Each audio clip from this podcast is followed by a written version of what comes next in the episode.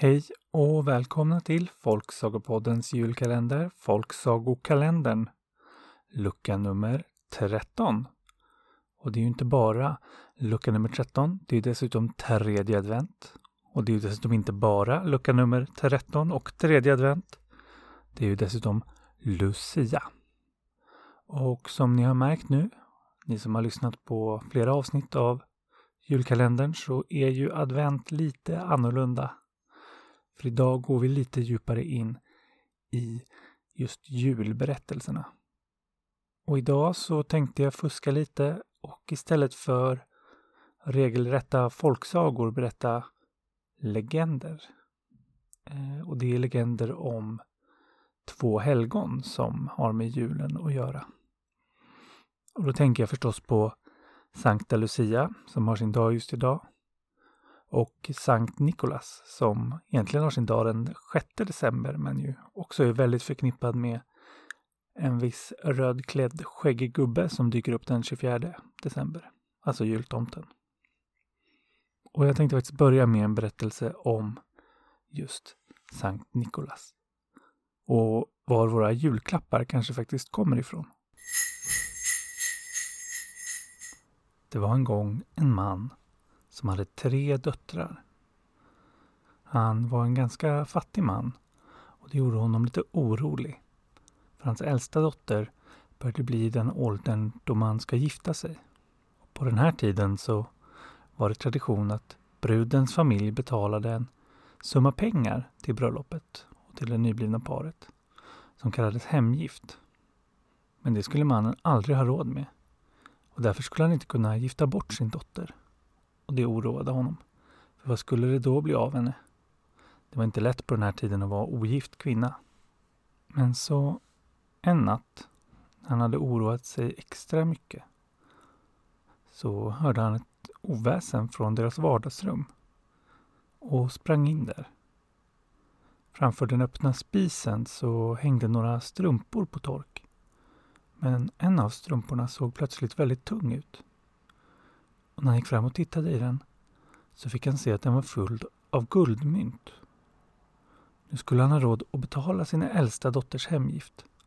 Och hon kunde bli gift. Vilken lycka! Men var kom den här mystiska gåvan ifrån? Ja, det visste inte mannen. Men eh, han gifte bort sin dotter och kunde vara lycklig ett tag. Tills det började bli tid för hans mellandotter att giftas bort. Återigen hade han inga pengar att betala i hemgift och han började oroa sig igen.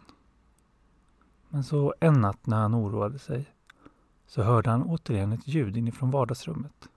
Och han sprang in. Och just den här kvällen hängde det återigen strumpor på tork framför den öppna spisen. Och en av dem såg lite tyngre ut än vanligt. Och när han tittade var den fylld av guldmynt och han kunde gifta bort sin mellandotter. Återigen kunde han leva lugnt ett tag. Hans två äldsta döttrar var bortgifta med bra män och han hade barnbarn på väg men hans yngsta dotter blev sakta men säkert gammal nog att gifta sig. Och han hade inga pengar till hemgiften. Men så en natt när han hade oroat sig extra mycket så kom det återigen ett ljud från vardagsrummet. Men den här gången så var mannen beredd. Han hade suttit och lurpassat många nätter vid sin öppna spis. Han ville så gärna tacka den personen som hade hjälpt dem de två tidigare gångerna. Och han hoppades och gissade att mannen skulle komma tillbaka även för den yngsta dottern. Så snabbt sprang han ut och ner från taket hoppade någon och mannen tog tag i honom och det var självaste biskopen Nikolaus. Och mannen ville förstås tacka honom högt och ljudligt och berätta för alla om den snälla, givmilda biskopen. Men Nikolaus övertalade honom att låta bli. Han ville inte ha något tack. Han ville bara göra någonting gott. Men på något sätt kom ryktet ut ändå och snart så tänkte alla så fort de fick någon fin present av någon de inte visste vem det var att det säkert var Sankt Nikolaus som hade varit framme igen. Och den yngsta dottern, ja, hon blev också bortgift och fick det bra.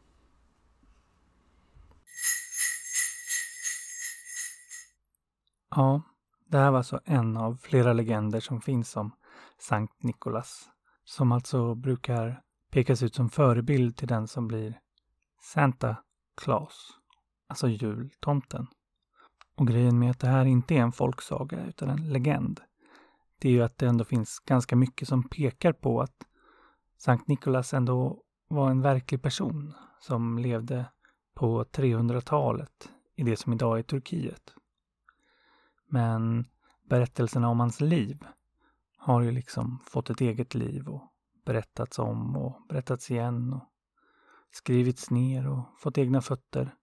Så det är ju nästan som en saga. Och just den här sagan har ett ganska lyckligt slut. Men den om det andra julhelgonet jag tänkte prata om, Lucia, den har ett ganska mycket läskigare slut tycker jag. Men det finns ändå någonting lyckligt i det också. Här kommer legenden om Lucia. Det var en gång en flicka som hette Lucia. Hon bodde på en ö som heter Sicilien.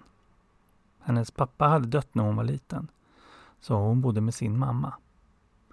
Och Lucia var en mycket vacker flicka, men hon var också en mycket god flicka. Så god att hon hade bestämt sig för att hon ville skänka bort alla sina ägodelar till fattiga för att hjälpa dem. Och dessutom trodde hon mycket på Gud. Och hon ville inte gifta sig med någon. För hon ville bara leva för Gud och för att hjälpa de fattiga. Men eftersom hon var vacker så fick hon snart friare. Och hon försökte på alla sätt att skjuta upp att det skulle bli något äktenskap. Fast hennes mamma ville att hon skulle gifta sig. En gång var det till exempel en friare som tyckte att hon hade så vackra ögon. Då petade Lucia ut sina ögon och skickade dem till honom. Så han kunde ha hennes vackra ögon och hon fick vara i fred. Men morgonen efter hade Lucia fått nya, ännu vackrare ögon. Så det hjälpte inte. Och snart såg det ut som att hennes mamma faktiskt skulle bestämma att hon skulle gifta sig. Men mamman var också sjuk. Och hon blev sjukare och sjukare. Och man visste inte vad man skulle göra. Men då fick Lucia en syn som sa till henne att ta med sig mamman till en helig grav där det låg ett helgon som heter Agata begraven. Så hon begav sig iväg med sin sjuka mamma, kom fram till graven och där bad hon Agata att hjälpa dem och göra mamman frisk. Men då steg Agata ut framför dem och sa att Lucia inte behövde någon hjälp att få sin mamma frisk. Det kunde hon ju ordna själv. Och så blev mamman frisk. Och då lovade hon Lucia att hon aldrig skulle behöva gifta sig. Då verkade ju allt ganska lyckligt. Men en av hennes friare hade svårt att ta ett nej. Så han hade gått och skvallrat till självaste kejsaren att Lucia var en kristen. Och det var nämligen förbjudet på den här tiden på Sicilien. Så därför blev Lucia fängslad. Och det bestämdes ett väldigt hemskt straff för henne. Men Lucia var inte rädd, för hon visste att hon hade Gud på sin sida. Och när det var dags att ta Lucia till sitt straff så var det som att vagnen hon skulle åka på frös fast i marken. Då tände man istället eld på vagnen för att bränna ihjäl Lucia. Men elden skadade inte henne alls. Och man hällde kokande olja på henne och stack henne med svärd. Men hon dog inte av det heller. Inte förrän en präst hade kommit och gett henne sista smörjelsen så dog Lucia. Men innan hon dog hann hon också säga en förutsägelse. Hon förutsåg att snart så skulle de kristna inte förföljas längre och den elaka kejsaren skulle dö. Och så blev det också. Och än idag lever minnet av Lucia kvar men vad den där kejsaren hette, eller den där friaren, ja det är det faktiskt nästan ingen som minns. Ja, det är ju ganska konstigt att något som hände för 1700 år sedan i Italien, som var väldigt, väldigt hemskt, firas i Sverige idag med sång och bullar. Men just att Lucia går med ljus och vita kläder, det har nog också lite att göra med att innan vi ändrade kalendern så var just Lucia-natten den mörkaste natten på hela året. Så då sågs Lucia som en ljusbringare. Som efter att hon kommit så blev det lite ljusare hela tiden. Och nu ligger det datumet lite längre fram. Men snart är vi där också. Och det var allt för tredje advent här på Folksagokalendern. Tack till Anna, Elin och Viktor. Och vi hörs igen imorgon.